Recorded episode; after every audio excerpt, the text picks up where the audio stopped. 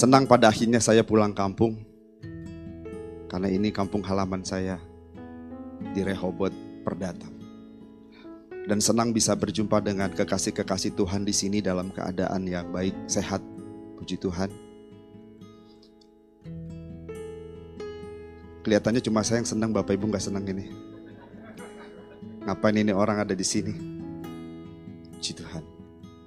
Bapak Ibu saudara-saudara yang dikasih Tuhan, dalam perjuangan kita untuk menjadi anak Tuhan yang memiliki keadaan berkenan atau menjadi umat yang layak di hadapan Tuhan. Ada satu hal penting Bapak Ibu yang harus kita perhatikan. Satu hal penting di sini adalah sesuatu yang sangat sederhana. Sesuatu yang biasa. Nah sering kali hal yang sederhana dan biasa ini kita anggap sepele kita anggap ringan. Sehingga kita abaikan Bapak Ibu. Namun perhatikan Bapak Ibu. Hal yang sepele ini, hal yang ringan ini jika kita biarkan terus bertumbuh di dalam kehidupan Bapak Ibu, di dalam kehidupan kita, maka hal ini akan sangat menghambat pertumbuhan, percepatan agar kita menjadi pribadi yang berkenan di hadapan Tuhan atau menjadi seperti Kristus. Sangat menghambat. Bahkan ia mampu menggagalkan rencana Allah dalam menjadikan kita anggota keluarga kerajaan Allah, menjadi bangsawan-bangsawan surgawi. Hal sederhana dan hal penting ini yang saya maksudkan adalah perasaan curiga. Sama-sama katakan perasaan curiga. Coba katakan satu dengan yang lain kiri kanan katakan perasaan curiga. Sederhana Bapak Ibu. Siapa yang tidak pernah curiga? Setiap kita pernah curiga. Dan sebenarnya curiga itu curiga tersebut ya tidak menjadi sesuatu yang salah Bapak Sesuatu yang salah, bukan sesuatu yang salah. Namun jika perasaan curiga itu berkembang terus-menerus akan menjadi sesuatu yang merusak kehidupan kita. Sangat merusak. Nah, hal ini saya bisa buktikan melalui informasi yang disampaikan oleh Alkitab. Jika kita memperhatikan kejatuhan manusia pertama yaitu Adam dan Hawa. Kejatuhan Adam dan Hawa, Bapak Ibu, ini berawal dari pesan-pesan negatif. Pesan-pesan negatif yang disampaikan oleh si ular tua yang dihembuskan si ular tua tersebut kepada manusia pertama. Sehingga pesan-pesan negatif ini bertumbuh, berkembang di dalam kehidupan manusia pertama Adam dan Hawa. Hingga pada akhirnya mereka mencurigai Tuhan. Setelah mereka mencurigai Tuhan, kecurigaan itu tertanam. Dan kecurigaan itu berkembang Bapak Ibu. Berkembang menjadi keraguan demi keraguan. Yang pada akhirnya tumbuhlah yang namanya ketidakpercayaan. Kita bisa melihat di dalam kejadian pasal 3 ayat yang pertama. Kejadian pasal 3 ayat yang pertama sampai ayat yang kelima Bapak Ibu. Mari kita buka Alkitab kita.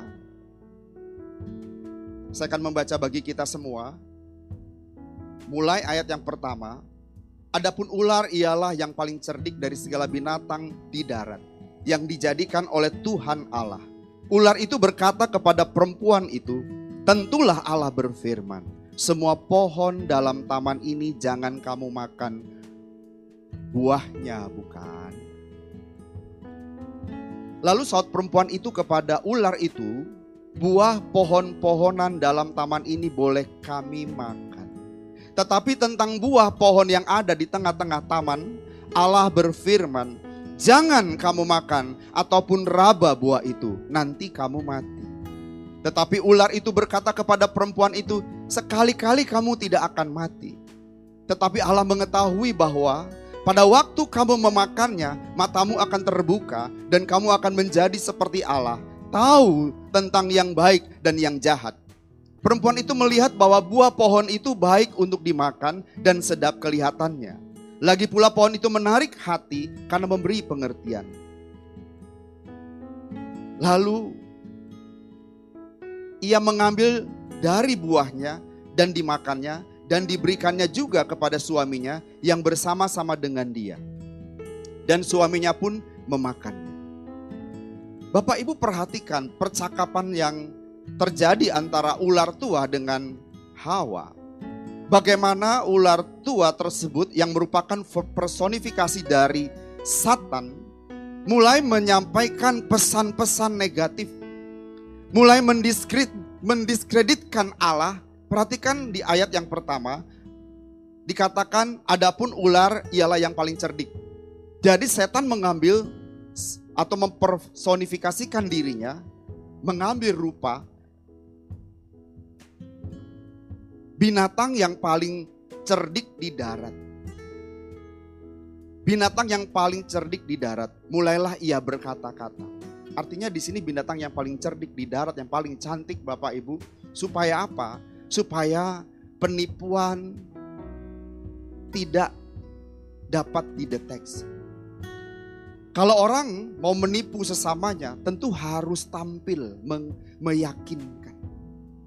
Itu sebabnya setan mengambil binatang yang paling cerdik dan dia mulai berkata kepada Hawa, "Tentulah Allah berfirman, semua pohon dalam taman ini jangan kamu makan buahnya, bukan?" Allah tidak pernah mengatakan hal itu. Nah setan mulai membangun sebuah percakapan dengan mendiskreditkan Allah. Tentu Allah berfirman semua pohon dalam taman ini jangan kamu makan buahnya. Bukan, tentu Tuhan Allah tidak pernah berbicara begitu. Dan memang di ayat kedua perempuan itu menyahut. Buah pohon-pohonan dalam taman ini boleh kami makan. Dan memang benar Bapak Ibu, hanya satu yang tidak boleh dimakan. Yang lain boleh dimakan. Hanya satu buah yang tidak boleh dimakan, yaitu pohon pengetahuan yang baik dan yang jahat. Jangan kamu makan buahnya, itu kata Tuhan. Kalau kita membaca di ayat yang ketiga hanya ada tambahan ataupun raba buah itu. Rupanya wanita sejak awal memang suka sedikit menambahkan. Kecuali ibu-ibu yang ada di pergatan. Jadi yang suka gosip itu rata-rata memang di luar sana ibu-ibu ya, bukan di sini. Banyakkan perempuan. Makanya yang senang nonton gosip-gosip itu biasanya yang di depan televisi bapak-bapak ya. Oh ya bapak-bapak, bapak ibu. Ya. Jadi rupanya memang ada bakat sejak awal. Tuhan tidak pernah mengatakan ataupun raba. Kalau kita membaca di ayat sebelumnya Tuhan tidak mengatakan ataupun raba buah itu. Tuhan mengatakan jangan kamu makan nanti kamu akan mati. Tetapi ular itu berkata kepada perempuan itu sekali-kali kamu sekali-kali kamu tidak akan mati. Nah ini merupakan penipuan. Sekali-kali nggak apa-apa. Sebab Allah mengetahui. Nah di sini Bapak Ibu. Penipuan yang maha dahsyat yang dilakukan setan terhadap Adam dan Hawa. Karena dua-duanya pada akhirnya jatuh dalam dosa. Dan pada waktu kamu memakannya matamu akan terbuka dan kamu akan menjadi seperti Allah. Tahu tentang yang baik dan yang jahat. Seolah-olah iblis atau satan itu mau memberikan informasi yang paling penting kepada manusia. Informasinya adalah kamu harusnya makan. Ini merupakan passwordnya, kuncinya supaya kamu bisa menjadi sama seperti Allah. Jadi Allah itu tahu, makanya dilarang kamu makan pohon uh, buah dari pohon pengetahuan yang baik dan yang jahat itu. Sebab kalau kamu makan, kalau kamu makan kamu akan menjadi seperti Allah. Coba, ini merupakan kesempatan Manusia berpikir, kalau aku menjadi seperti Allah, wow. Allah itu maha segala-galanya. Kalau aku menjadi sama seperti Allah, wow, hebat nih. Dan apa yang disampaikan oleh Satan itu dipercaya Bapak. Tetapi ada sesuatu memang yang muncul di dalam pikiran manusia, yaitu kecurigaan. Oh, saya tahu. Iblis itu benar. Ternyata Tuhan Allah selama ini menipu kami. Kami dilarang supaya kami tidak bisa sama seperti Tuhan Allah. Ini kan bahaya Bapak. Berbahaya Bapak Ibu. Kalau aku bisa sama seperti Allah kan luar biasa. Kalau seorang supir pribadi bisa menggantikan posisi tuannya. Tadinya dia supir. Sekarang jadi tuan. Oh hebat dong. Kalau pembantu rumah tangga berganti peran. Kini aku jadi ibu rumah tangga. Hebat nggak Bapak Ibu? Mau nggak jadi ibu rumah tangga? Gimana caranya? Racunin. Setiap kali kamu masak, kasih sianida. Lama-lama mati. Misalnya. Tapi apa yang dilakukan setan ini memang sedikit meleset. Sedikit saja. Perkataan itu sangat menipu Bapak Ibu. Kamu mau tahu passwordnya? Kamu mau tahu kuncinya? Supaya menjadi seperti Allah, makan buah pengetahuan yang baik dan yang jahat. Tapi penampilan setan itu kan menipu dan sangat meyakinkan. Seolah-olah setan itu peduli dengan keadaan Adam dan Hawa. Seolah-olah setan itu ada di pihak Adam dan Hawa. Pada kenyataannya tidak. Sama seperti ketika pasukan Jepang datang ke Indonesia menjanjikan sebagai penyelamat saudara tua. Seolah-olah di pihak bangsa Indonesia. Setan tuh begitu Bapak, mirip. Sehingga ketika Adam dan Hawa percaya terjebak. Terjebak mereka. Kalau aku menjadi sama seperti Allah, wow hebat. Seperti Tuhan Allah memperoleh kehormatan, maka aku akan memperoleh kehormatan. Wah, ini hebat. Bisa selep selevel dengan Tuhan, kenapa tidak? Kalau bisa selevel dengan Tuhan. Jadi sekali lagi melalui percakapan tersebut si ular tua berhasil menanamkan benih-benih kecurigaan. Benih-benih kecurigaan yang ditanam oleh si Satan itu berhasil bertumbuh dan menimbulkan, melahirkan ketidakpercayaan. Dan ketidakpercayaan itulah yang menjatuhkan Adam dan Hawa ke dalam dosa dan membuat manusia kehilangan kemuliaan Allah. Dengan demikian Bapak Ibu saya dapat menyimpulkan bahwa kecurigaan kepada Allah akan mendatangkan kerugian yang besar. Bukan keuntungan dalam hidup kita. Yang setuju katakan amin.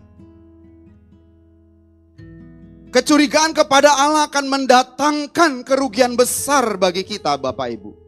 Itu sebabnya kita Pak, Bu, musuh terbesar kita Satan.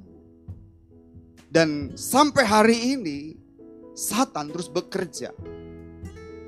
Dan selalu mengadakan penipuan-penipuan. Dan selalu membisikkan hal-hal yang negatif kepada kita. Agar kita tidak menjadi pribadi agung, pribadi yang berkenan, menjadi anggota keluarga kerajaan Allah. Dengan bumbu yang sangat sederhana, kecurigaan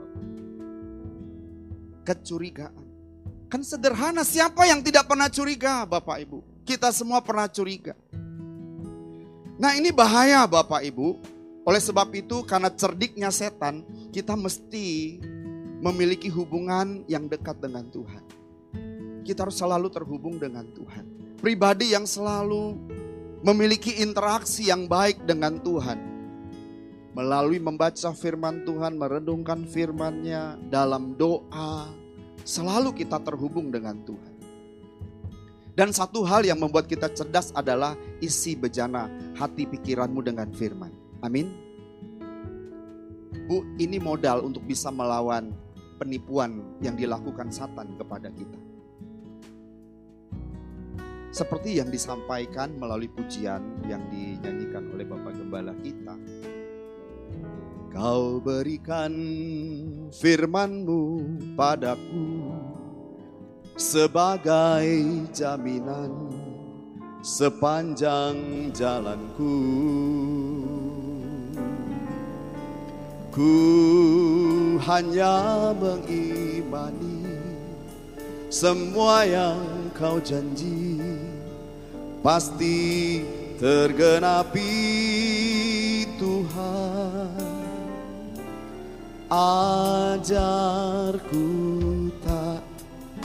curiga padamu Sangsikan kasih dan tulus pribadimu. Kau Allah yang setia Maha bijaksana. Dapat aku percayai Kasih setiamu tak berubah. Berkat melimpah bagi kami. Dalam naunganmu. Dalam naunganmu ku aman. Damai sejahtera selamanya. Sama-sama yuk katakan. Kau berikan Kau berikan firmanmu padaku sebagai jaminan sepanjang jalanku. Ku hanya ku hanya mengimani semua yang kau janji. Pasti tergenapi Tuhan Ajarku tak curiga. Sangsikan kasih Dan tulusnya Tuhan. Dia Allah yang setia Kau Allah yang setia Maha bijaksana. Dengan tulus katakan Dapat aku percayai Kasih setiamu tak berubah. Kasih setiamu tak berubah. Berkat melimpah bagi kami. Dalam naunganmu Dalam naunganmu ku aman. Damai sejahtera selamanya Tuhan mau menjagai Adam dan Hawa dengan memberikan sabdanya, firmannya. Jangan kamu makan. Tapi iblis justru membalikkan perkataan Tuhan. Dan timbullah kekecewaan, maaf, kecurigaan yang pada akhirnya mendatangkan ketidakpercayaan di dalam diri Adam dan Hawa. Padahal Allah ingin melindungi Adam dan Hawa. Tapi malah curiga terhadap Tuhan. Kenapa? Seharusnya pikirannya lebih banyak diisi firman. Lebih banyak menyediakan waktu untuk mendengarkan suara Tuhan. Amin. Tapi Adam dan Hawa lebih banyak mendengarkan suara Satan Bapak Ibu. Tapi Pak hari ini Satan kan gak bicara kepada kami Pak. Bapak Ibu, Satan tidak berbicara kepada kita dalam dengan wujud yang menyeramkan. Ya kan Bapak Ibu? Kalau datang dengan wujud yang menyeramkan seperti pocong, kuntil anak, kita akan lari Bapak Ibu. Tapi dia datang dalam wujud yang cerdik, yang cantik. Dan memberikan rayuan-rayuan gombalnya kepada kita. Dan hal ini akan membuat kita meleset Bapak Ibu. Sedikit saja kemelesetan itu dosa. Dosa itu hamartia meleset Bapak Ibu tidak tepat sasaran. Sedikit tidak tepat sasaran itu bukan kebenaran. Kebenaran itu mesti bulat, mesti utuh. Kalau setengah kebenaran itu parsial sifatnya dan bukan kebenaran. Nah setan melakukan hal itu sedikit saja meleset. Kalau sebuah pesawat sedikit saja meleset dari koordinatnya bisa salah Bapak. Makanya harus selalu dalam posisi, dalam arahan yang tepat. Bagaimana kita bisa selalu tepat? Kau berikan firmanmu padaku sebagai jaminan. Perbanyak dengar firman Tuhan. Jangan perbanyak dengar apa kata setan. Jadi setan itu bisa mempersonifikasikan dirinya atau mengambil rupa banyak banyak hal atau seperti apa pun yang cantik yang bisa yang bisa membuat kita tertipu Bapak Ibu. Ya kan? Kesenangan dunia itu memang cantik Bapak Ibu. Kesenangan dunia menyenangkan. Kesenangan dunia itu menyenangkan. Nah setan bisa mengambil hal-hal itu yang bisa menggagalkan kita menjadi anggota keluarga Allah, menggagalkan fokus kita untuk selalu selalu berfokus kepada Tuhan Bapak. Nah, kecurigaan kepada Tuhan harus kita basmi Bapak. Bagaimana dengan kalau kita eh, curiga dengan sesama kita? Bapak Ibu, kalau kita menaruh kecurigaan di dalam pergaulan, dalam kehidupan masyarakat, dalam bisnis, kadangkala bisa berlaku positif. Bisa berlaku positif tetapi tetap dalam kontrol atau tuntunan Tuhan. Kalau kepada Tuhan, kita tidak boleh menaruh curiga. Tapi dalam urusan bisnis masih boleh, tapi sedikit saja. Kecurigaan itu bisa sedikit saja. Harus proporsional. Tidak boleh curiga terus-menerus. Tidak boleh berlebihan. Curiga boleh, tapi harus ada alasan yang jelas, alasan yang kuat. Ini dalam urusan bergaul Bapak Ibu, dalam urusan bisnis, dalam urusan hidup bermasyarakat.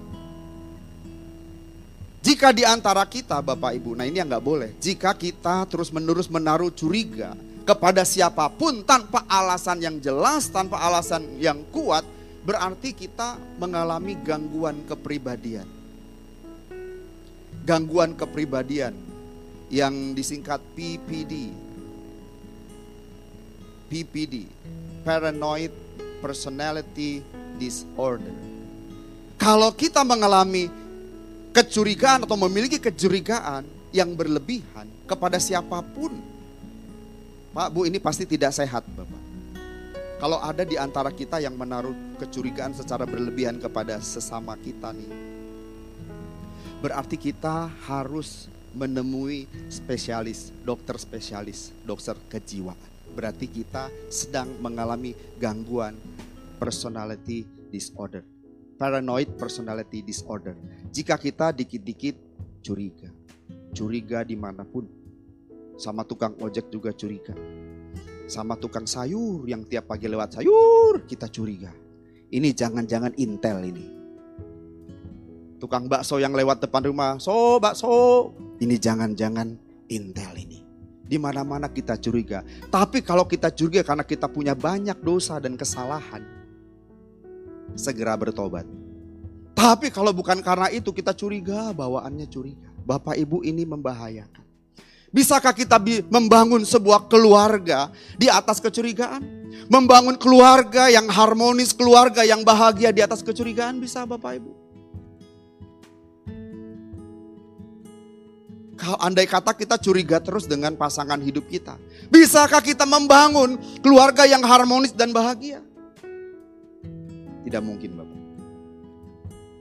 Tidak mungkin. Kecurigaan itu adalah buah pikiran yang turun ke dalam hati menghasilkan ketidakpercayaan. Ketidakpercayaan jika terus berkembang melahirkan apa Bapak Ibu? Kalau itu ada di dalam organisasi. Mosi tidak percaya kepada pemimpinnya menghasilkan apa? Perpecahan organisasi. Saudara pikir setan tidak bekerja di situ? Memang tuh setan senang kalau kita punya organisasi baik, senang Bapak Ibu. Dia akan melakukan huru hara. Dengan cara apa? Dia hembuskan hal-hal yang negatif. Dan ketika seseorang terjebak Bapak Ibu. Angin-angin surga dari Satan itu membuat melahirkan ketidakpercayaan. Ketika saudara tidak percaya kepada gembala sidang saudara, menghasilkan apa Bapak Ibu? Pemberontakan. Ketika kita membiarkan yang namanya kecurigaan itu berkembang kepada istri kita, suami kita, dan saudara membiarkan. Saya jamin suatu saat keluargamu, keluarga kita pecah. Bapak. Karena kita membiarkan hal itu terus menerus. Kita kehilangan kepercayaan kepada suami, kehilangan kepercayaan kepada istri. Bahaya Bapak. Belajar untuk mempercayai.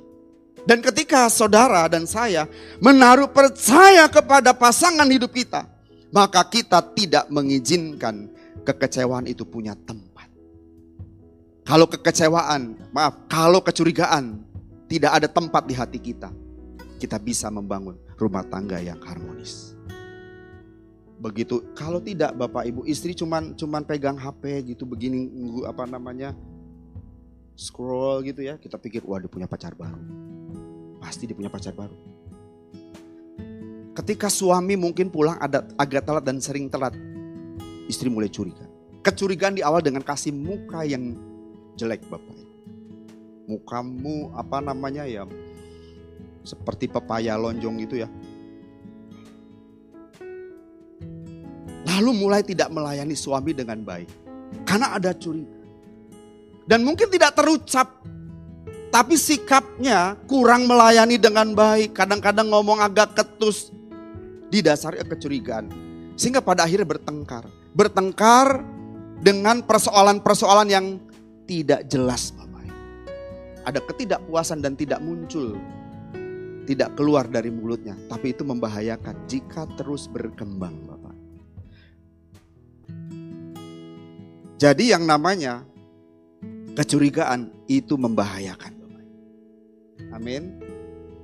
Itu membahayakan kita. Jangan biarkan kecurigaan punya tempat di hati kita. Memang menurut majalah Psychology Today mengatakan bahwa mereka yang mengalami gangguan ini, PPD, paranoid personality disorder ini yaitu orang-orang yang memang sulit mempercayai orang lain. Kenapa? Karena mereka berpikir orang lain itu mengancam, mengkhianati, mengeksploitasi dan membahayakan dirinya. Ini Bapak Ibu. Kalau kita kembangkan maka kita akan berpikir istri ini, istriku ini membahayakanku. Tuhan membahayakanku. Ini Pak Pendeta ini membahayakanku. Wah pendeta ini mengeksploitasi, ngomongnya berkat-berkat, mau duitku aja nih. Setan akan melakukan hal itu Bapak Ibu. Dan setan gak langsung berbisik kepada Bapak Ibu. Pasti dia pakai orang-orang yang bisa dipakainya. Dia menggunakan orang-orang yang bisa dipakainya. Amin gak Bapak Ibu? Jangan kita jangan sampai dipakai Tuhan. Amin. Eh salah ya. Jangan sampai kita dipakai setan. Harus dipakai Tuhan jadi alat kebenaran. Yang namanya benar itu mesti benar-benar tepat kalau sedikit melenceng itu bukan kebenaran. Amin Bapak. Jangan ada pada kita hal ini. Nih, begitu si Riko datang curiga. Nih Riko mau bikin apa ke sini?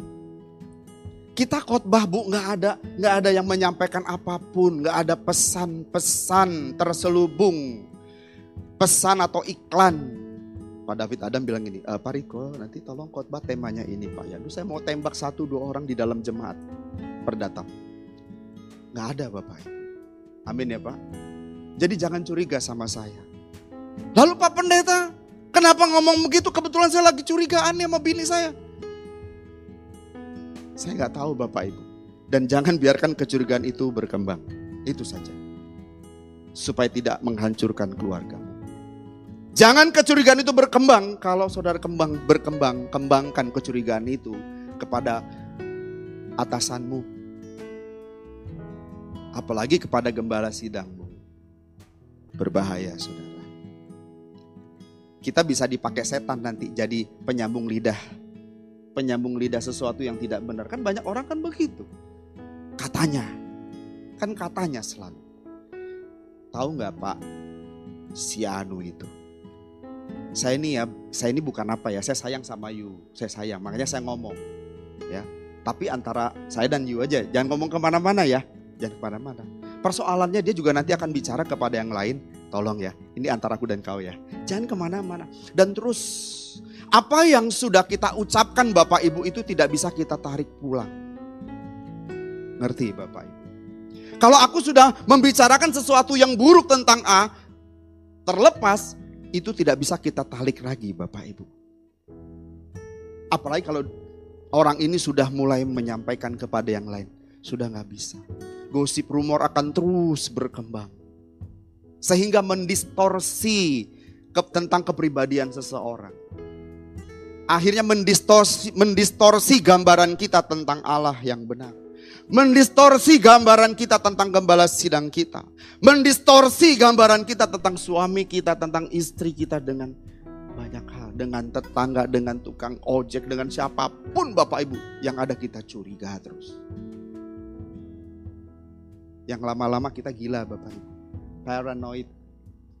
Apa tadi? Paranoid personality disorder. Jangan sampai begitu. Apalagi curiga kepada Tuhan.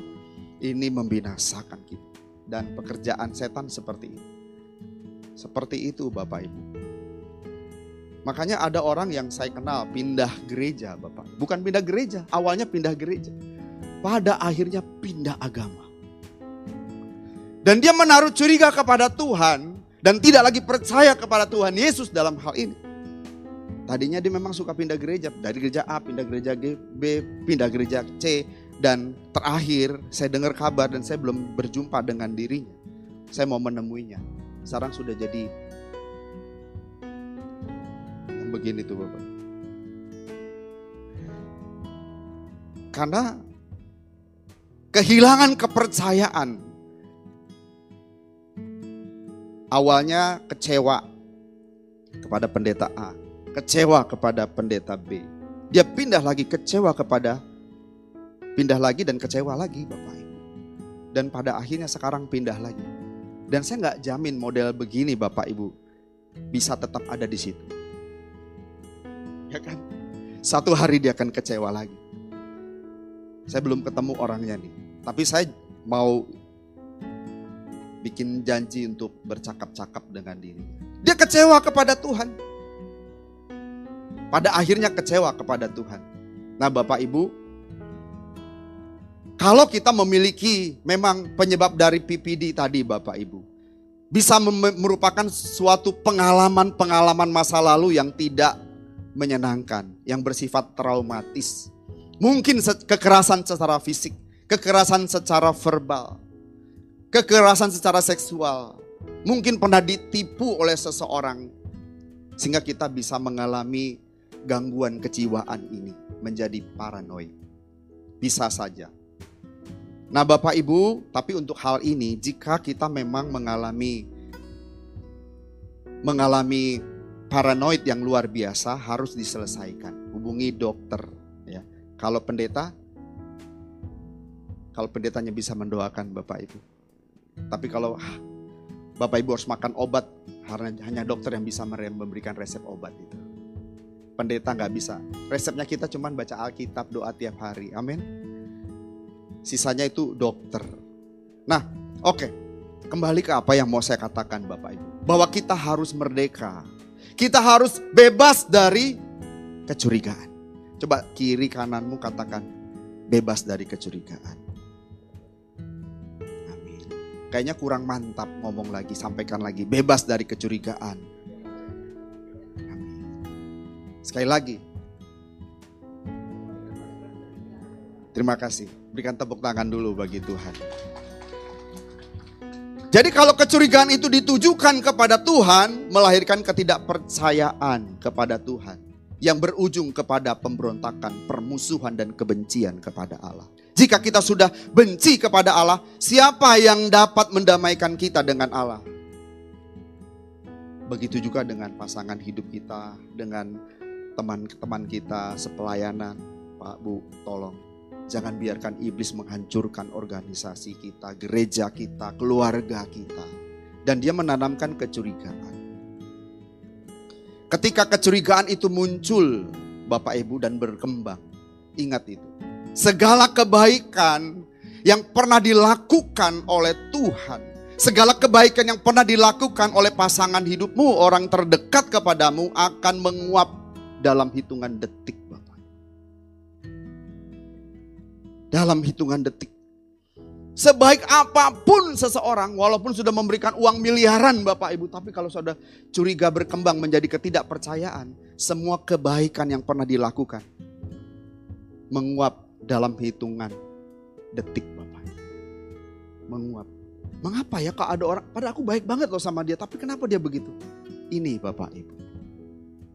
Kebaikan-kebaikan kita bahkan kebaikan Tuhan menguap hanya dalam hitungan detik ketika seseorang kehilangan kepercayaan. Makanya orang bisa jahat seperti itu Bapak Ibu. Diawali dengan kecurigaan dan saya mau memberikan contoh yang contoh yang mengerikan Bapak Ibu. Di 2 Samuel 2 ayat 1 sampai 3. Buat saya ini mengerikan. Bisa di ayatnya bisa di uh, coba ditayangkan ya. 2 Samuel 2 ayat 1 sampai 3.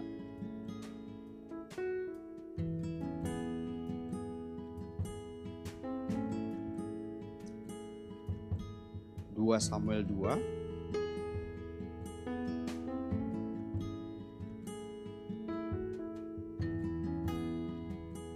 Yang sudah ketemu boleh baca.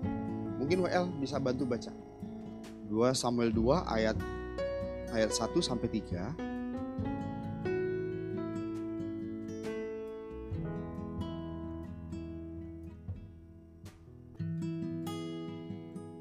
Dua Samuel 2 ayat 1 sampai 3. Daud menjadi raja atas Yehuda. Kemudian bertanyalah Daud kepada Tuhan katanya, apakah aku harus pergi ke salah satu kota di Yehuda? Firman Tuhan kepadanya, pergilah. Lalu kata Daud, ke mana aku pergi? Firmannya, ke Hebron. Lalu pergilah Daud ke sana dengan kedua istrinya, Ahinoam, perempuan Yisrael, dan Abigail, bekas istri Nabal, orang Karmel itu. Juga sebentar. Apa betul itu ya?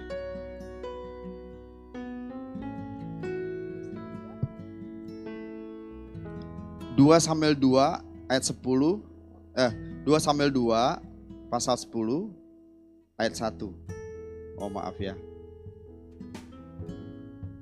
Sesudah sesudah itu matilah raja Bani Amon. Oke, silahkan. Sesudah itu matilah raja Bani Amon dan Hanum anaknya menjadi raja menggantikan dia. Lalu berkatalah Daud, Aku akan menunjukkan persahabatan dengan Hanum bin Nahas sama seperti ayahnya telah menunjukkan persahabatan kepadaku. Sebab itu Daud menyuruh menyampaikan pesan turut berduka cita kepadanya dengan perantaraan pegawai-pegawainya kepada kematian ayahnya. Tetapi ketika pegawai-pegawai Daud sampai ke negeri Bani Amon itu, berkatalah pemuka-pemuka Bani Amon itu kepada Hanun, Tuan mereka, apakah menurut anggapanmu Daud hendak menghormati ayahmu karena ia telah mengutus kepadamu orang-orang yang menyampaikan pesan turut berduka cita. Bukankah dengan maksud untuk menyelidiki kota ini, untuk mengintainya dan menghancurkannya, maka Daud mengutus pegawai-pegawainya itu kepadamu? Ayat 4. Ayat 4. Lalu Hanun menyuruh menangkap pegawai-pegawai Daud itu. Disuruhnya mencukur setengah dari janggut mereka dan memotong pakaian mereka pada bagian tengah sampai pantat mereka. Kemudian dilepaskannya mereka. Ya. Ayat 5. Ayat 5. Hal ini diberitahukan kepada Daud. Lalu disuruhnya orang menemui mereka. Sebab orang-orang itu sangat dipermalukan. Raja berkata, tinggallah di Yeriko sampai janggutmu itu tumbuh. Kemudian datanglah kembali. Baik, makasih. Perhatikan Bapak Ibu, apa yang direncanakan oleh Raja Daud tidak seperti apa yang dipikirkan oleh para pemuka-pemuka kerajaan dari Bani Amon ini Bapak Ibu. Raja Daud benar-benar sebetulnya hendak menyampaikan turut sepenanggungan. Setelah matinya Raja Bani Amon yaitu Hanum. Anaknya Hanum ini menjadi raja dan Daud hendak menunjukkan persahabatan sebenarnya. Dengan datang ke kerajaan tersebut dan menyampaikan pesan turut berduka cita.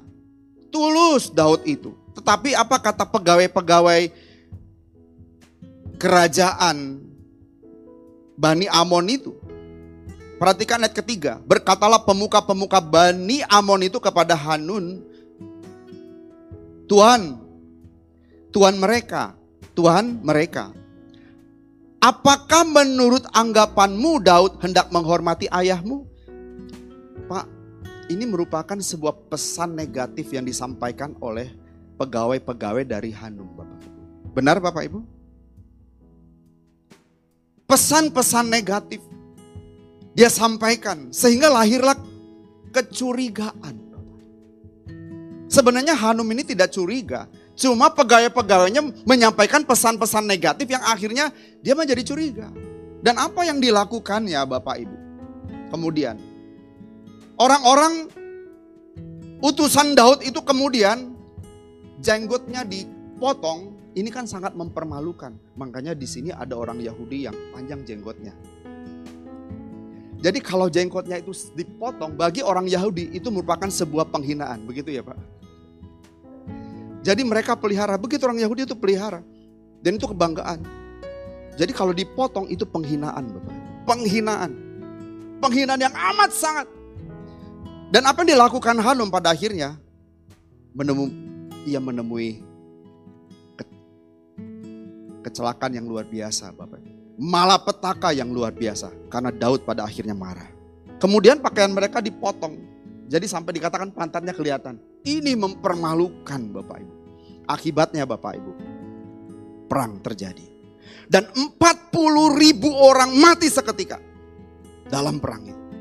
Saya mau beritahu Bapak Ibu, jangan biarkan kekecewaan itu ada. Ada tempat di hati kita. Ada ruang di hati kita. Dan jangan memberikan kepada telinga kita untuk mendengar hal-hal yang negatif dan itu membahayakan kita jika kita setuju dan memberi tempat. Sehingga akhirnya kita kehilangan kepercayaan. Dengan kehilangan kepercayaan, semua kebaikan seseorang lenyap dalam hitungan detik Bapak Ini bahaya Bapak Ibu. Bagaimana kita bisa diubahkan Tuhan kalau ini terus berkembang, kekecewaan terus berkembang di hati kita. Kita tidak bisa dikembalikan kepada rancangan Allah semula menjadi bangsawan-bangsawan surgawi. Karena hati kita tidak bersih Bapak Ibu. Tidak bersih. Kita tidak bisa membangun keluarga yang bahagia jika kita tidak bersih hati. Ada kecurigaan dengan pasangan hidup kita, kecurigaan di mana-mana ada kecurigaan Bapak Ibu. Di gereja juga ada kecurigaan kalau ngomong negatif. Ini berbahaya. Makanya jangan biarkan kecurigaan itu, ya. Kita harus mengembangkan hal-hal yang positif. Amin ya. Hambanya Pak Armen. Hal-hal yang positif. Jangan hal-hal yang negatif. Lihat 40 ribu orang binasa hanya karena percakapan negatif, pesan-pesan negatif yang disampaikan oleh pegawai-pegawai Hanum tadi. 40 ribu orang banyak Bapak Ibu. Itu nguburnya gimana? 40 ribu orang Pak, Bu. Mereka juga punya anak, punya istri gara-gara seseorang sehingga 40 ribu orang mati di tangan Daud. Yang harusnya Daud tidak membunuh orang jadi membunuh orang Pak.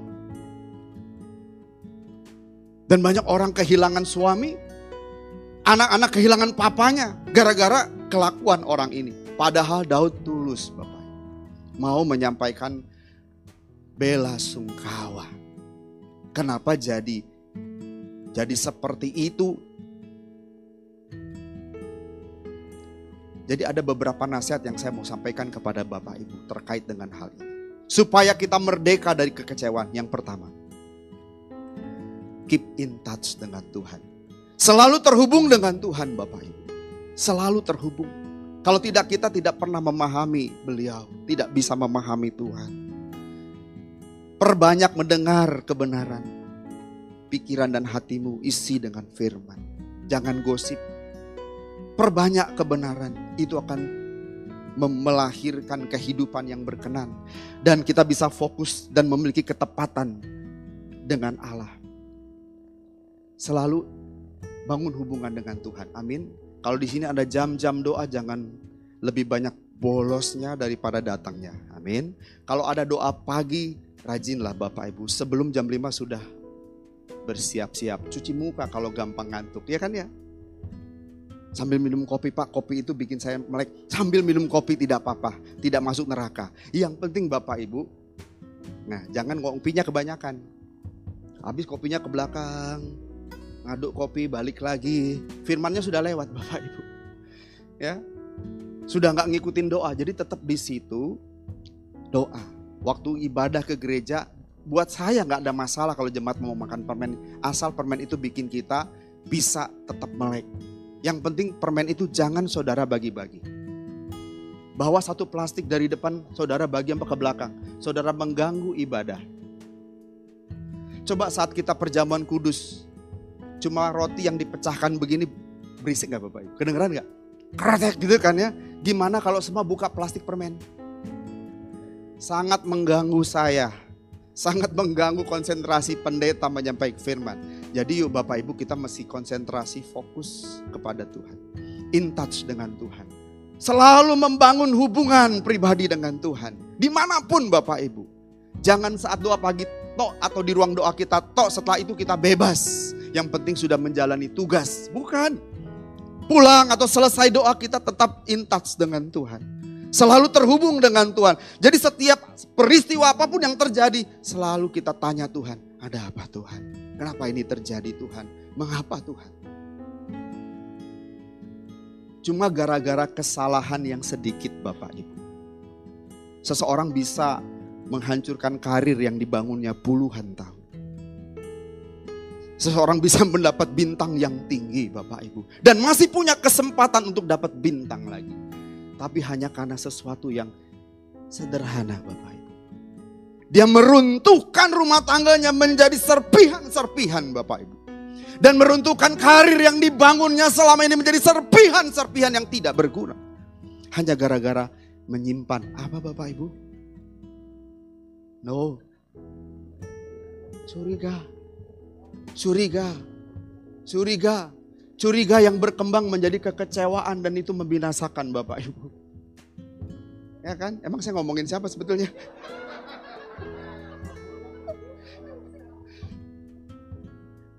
Pak, Ibu kejadian seperti itu banyak bukan hanya bukan hanya saya nggak mau nerusin. Banyak hamba-hamba Tuhan gereja-gereja juga hancur Pak Bu hanya karena hal yang gak guna begitu. Dia membangun. Organisasi-organisasi hancur gara-gara membiarkan iblis bekerja. Dan ada orang-orang yang dipakai di situ dan mengizinkan setan pakai dia. Cuma dia nggak nggak terasa kalau dia dipakai setan. Dan ini mengerikan. Tidak sadar bahwa kita sedang dipakai setan Bapak Ibu. Masih khotbah aku, masih baca Alkitab tapi sedang dipakai setan untuk merusak. Karena kalau Allah itu tidak pernah meruntuhkan apa pun. Tapi kalau manusia sampai meruntuhkan sebuah bangunan, organisasi, sebuah gereja, persekutuan orang percaya, pasti sumbernya dari setan. Jadi harus karena setan begitu licin, tipis, dan kita bisa tertipu, harus banyak mendengar firman. Nah yang kedua Bapak Ibu, apa yang harus kita lakukan? Pak Bu jangan biarkan pesan-pesan negatif itu kita dengarkan Bapak Ibu. Menolak segala informasi atau pesan negatif apa pun tentang siapa pun. Kita harus tolak. Berbagai bentuk informasi negatif apa pun dari siapa pun Bapak Ibu. Mau dari istri juga. Makanya kalau konseling Bapak Ibu ya dengan seseorang. Istri nggak pernah tahu Bapak. Karena ini kode etik pendeta. Ya kan? Jadi dia tidak pernah tahu. Itu urusan saya dengan konseling. Istri tidak pernah tahu. Dan saya tidak mau dengar hal-hal negatif itu masuk telinga saya. Saya cuma paling paling kalau orang bicara saya cuma iya iya aja. Tapi satu hari jika dia ngomong lagi saya bilang stop dalam nama Yesus diam. Jadi kalau di sini ada yang memberikan pesan-pesan negatif langsung doakan. Sini Pak. Dalam nama Yesus. Itu ya. Amin. Pak Pendeta, tahu nggak Pak Pendeta? Itu Pak Pendeta. Itu jemaat yang sering datang ke gereja duduk di pojok itu Pak Pendeta tahu nggak Pak Pendeta? Diam kamu. Itu urusan dia. Suatu saat Tuhan akan menjamah dia. Ya kan? Siapa yang paling benar di sini? Makanya ketika perempuan berdosa dibawa kepada Tuhan Yesus setelah berzina, katanya berzina, berarti yang yang nangkep itu juga nonton dulu dong berarti ya. Nah, Berzina dalam pikirannya berarti. Dibawa ke situ menurut hukum Musa. Harus dirajam dengan batu sampai mati. Tuhan gak jawab. Dia hanya menulis-menulis. Dan Tuhan berkata, siapa yang tidak bersalah? Orang yang paling tidak bersalah menjadi orang pertama yang melempari dia dengan batu. Gak ada yang berani. Kenapa? Semuanya bersalah Bapak Ibu. Jadi, ini kan informasi negatif Bapak Ibu. Alkitab mengatakan ya di dalam 1 Timotius 6 ayat 4. 1 Timotius 6 ayat 4. Nah model orang begini ada di gereja dan ada di mana-mana. Ia adalah seorang yang berlagak tahu, jadi memberi informasi. Padahal ia tidak tahu apa-apa. Makanya selalu katanya nih, katanya nih. Nah penyakitnya, penyakit orang ini Bapak Ibu, ialah mencari-cari soal dan bersilat kata yang menyebabkan dengki, cedera, fitnah dan dan apa? Curiga. Hal itu bisa mencederai siapa pun. Mencederai siapa pun, mendistorsi tentang kepribadian kita Bapak Ibu. Kita nggak bikin apa-apa. Lalu diomongin yang tidak-tidak, mendistorsi tentang kita. Dan akhirnya banyak orang yang membenci kita tanpa alasan. Bahkan bisa meninggalkan gereja tanpa alasan yang jelas. Hanya karena katanya. Jadi kalau tidak bisa membuktikan dengan benar. Itu gosip Bapak Ibu. Dan kalaupun iya, apa hak kita untuk menghakimi orang? Itu yang dilakukan Tuhan Yesus kepada perempuan Samaria. Apa hakmu menghakimi? Penghakiman itu milik Tuhan. Katakan amin. Dan kita harus bersih Bapak Ibu. Tolak semua hal-hal negatif. Menolak segala pikiran negatif. Dan juga Bapak Ibu. Menolak segala informasi negatif dan menolak segala pikiran negatif. Jangan biarkan pikiran negatif itu bertumbuh dalam pikiran kita. Amin. Jadi hal Curiga tadi itu buah pikiran yang turun ke dalam hati, saya ulangi. Buah pikiran yang turun ke dalam hati, kita harus menolak segala pikiran negatif. Bukan saja informasi tetapi pikiran negatif pun harus kita tolak Bapak Ibu. Di dalam Amsal 3 ayat 19 dikatakan, jangan merencanakan kejahatan terhadap sesamamu. Ini kan ada di dalam pikiran Bapak. Ketika diwujudkan itu menjadi sebuah tindakan dan pasti membahayakan orang lain. Jangan merencanakan kejahatan terhadap sesamamu, sedangkan tanpa curiga, ia tinggal bersama-sama dengan engkau. Orang itu yang bersama-sama dengan kita tidak mencurigai niat jahat kita. Ini membahayakan kita. Jadi menolak pikiran-pikiran rencana-rencana negatif dalam pikiran kita tentang seseorang. Kita perlu membangun hubungan dengan Tuhan supaya kita bisa mengenali hal-hal yang datang informasi yang negatif maupun pikiran-pikiran negatif Bapak. Yang keempat yang harus kita lakukan adalah konfirmasi. Apa itu benar? Jika memang kita sangat terganggu dan itu membutuhkan jawaban. Jika ada mengganjal dalam pikiran kita, kita perlu jujur. Jujur itu menolong kita. Seperti Yohanes Pembaptis pada waktu mendekati ajal dari penjara dan menjelang eksekusi mati. Sebelum hari kematiannya, dia mau menyelesaikan gundah gulana dalam pikiran dan hatinya. Memang ada kecurigaan. Kalau kita membaca di dalam Matius 11 ayat 1 sampai 6. Lalu Yohanes Pembaptis, Yohanes Pembaptis mengirim pesan, mengirim murid-murid untuk menyampaikan pesannya kepada Tuhan Yesus dan berkata, apakah engkau itu sang Mesias yang dijanjikan? Di ayat yang ketiga di Matius 11 ayat 1 sampai 6. Lalu ia menyuruh murid-muridnya dan bertanya kepadanya, engkaukah yang akan datang itu atau haruskah kami menantikan orang lain? Jawab Yesus, pergilah dan katakan kepada Yohanes, apa yang kamu dengar dan kamu lihat. Orang buta melihat, orang lumpuh berjalan, orang kusta menjadi tahir, orang tuli mendengar, orang mati dibangkitkan, dan kepada orang miskin diberitakan kabar baik. Dan berbahagialah orang yang tidak menjadi kecewa dan menolak aku. Jadi Yohanes ini ada curiga. Nah kalau memang kita ada curiga, konfirmasi. Kalau itu memang harus dibutuhkan. Kalau konfirmasi itu dibutuhkan Bapak Ibu. Dengan pimpinan Tuhan. Tanyakan dengan baik. Seperti Yohanes Pembaptis. Dia menjadi sembuh dan yakin benar dialah Mesias itu. Amin Bapak Ibu. Dan jangan biarkan kekecewaan itu berkembang. Jangan berikan ruang Jangan berikan tempat di dalam hati kita terhadap yang namanya tadi apa kecurigaan. Saudara mesti merdeka. Gimana caranya merdeka? keep in touch dengan Tuhan. Selalu terhubung dengan Tuhan. Jangan biarkan pesan-pesan negatif itu datang merasuk pikiran kita. Dari siapa pun. Lalu yang kedua jangan biarkan pikiran negatif itu menguasai kita. Dan yang keempat konfirmasi. Jika itu dibutuhkan. Apa itu benar? Tapi harus dalam pimpinan Tuhan. Supaya benar-benar merdeka dari kekecewaan. Maaf, dari kecurigaan. Sebab kecurigaan itu bisa mendatangkan malapetaka besar dalam hidup kita. Semua yang kita sudah bangun, usaha yang kita bangun runtuh menjadi serpihan. Keluarga rumah tangga kita bangun sekian tahun runtuh menjadi serpihan. Bahkan prestasi saudara yang dibangun sekian lama hanya menjadi serpihan-serpihan. Di mana karena persoalan yang merasuk diri saudara, hal-hal negatif. Jadi kalau Bapak Ibu ya, kekecewaan, sorry, kecurigaan itu tidak ada di hati saudara tidak ada di hati saudara, tidak ada tempat, maka kepercayaan itu bisa dibangun dengan. Kepercayaan kepada Tuhan yang terbangun dengan baik membuat kita mengasihi Tuhan dan tidak akan pernah kita meninggalkan Tuhan. Apa pun kondisinya, mau sakit tidak kunjung sembuh, kita tidak pernah kecewa kepada Tuhan. Kita tidak curiga kepada Tuhan. Pasti ada sesuatu yang baik yang Tuhan kerjakan dalam hidupku. Karena Tuhan baik adanya.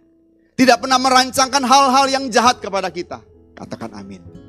Rancangannya itu penuh dengan damai sejahtera. Tanamkan itu. Karena iblis selalu bekerja dan terus bekerja. Akhirnya kebenaran ini tertanam di hati kita. Dan membangun sebuah sebuah keluarga kerajaan Allah yang bersih. Keluarga kerajaan Allah yang fokusnya kepada Tuhan dan fokusnya adalah bagaimana aku secara pribadi dapat memiliki atau menjadi anak Allah yang berkenan di hadapan Bapa di surga. Menjadi anggota keluarga kerajaan Allah yang menyatakan kuasa Tuhan di tengah-tengah dunia membutuhkan ini. Dan hanya orang yang bersih hatinya yang dapat melihat Allah. Tuhan memberkati kita semua. Amin.